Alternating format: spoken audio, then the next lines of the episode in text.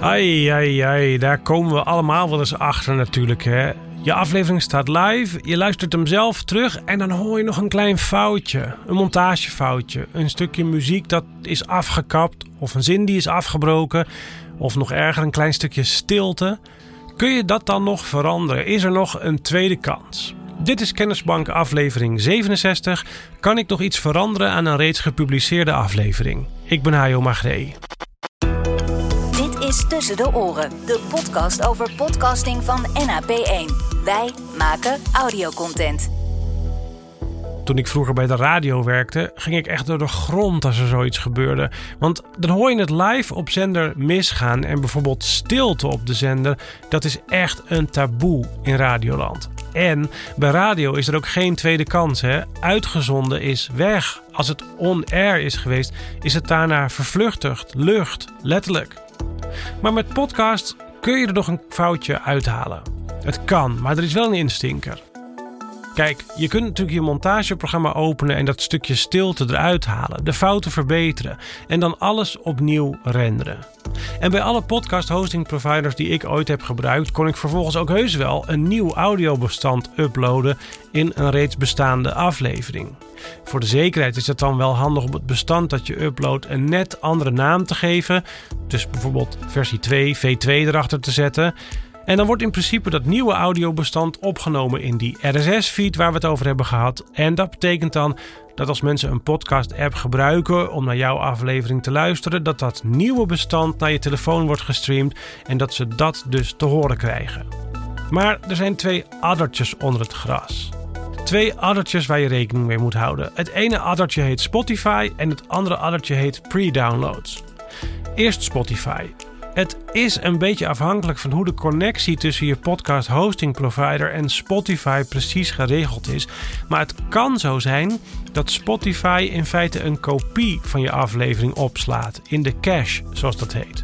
Dus dan kijkt Spotify steeds naar jouw RSS-feed om te zien of er een nieuwe aflevering is bijgekomen. En als dat zo is, dan downloadt Spotify die aflevering, slaat er een kopie van op op zijn eigen servers en vervolgens krijgen de luisteraars die via Spotify luisteren die kopie te horen.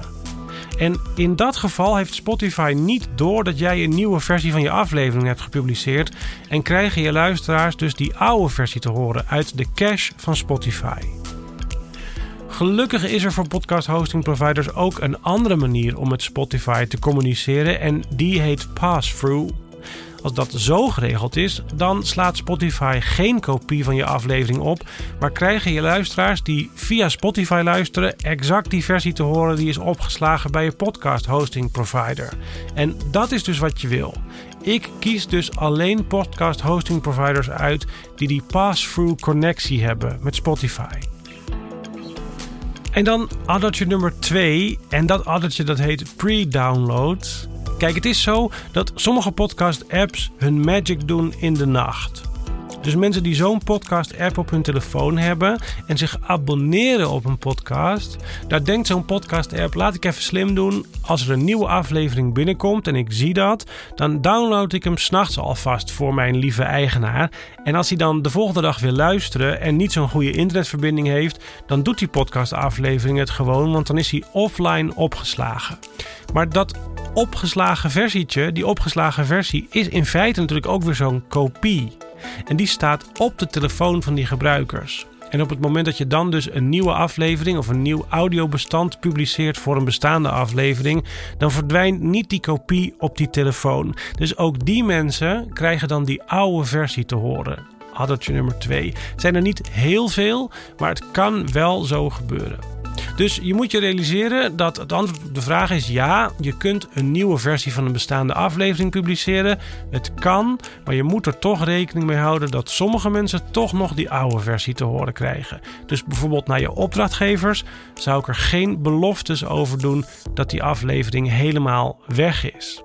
Dat was het. Je kunt de informatie uit deze aflevering ook terugvinden in de podcast Kennisbank op onze website. Dit was Tussen de Oren van NAP1. Wij maken audiocontent. NAP1.nl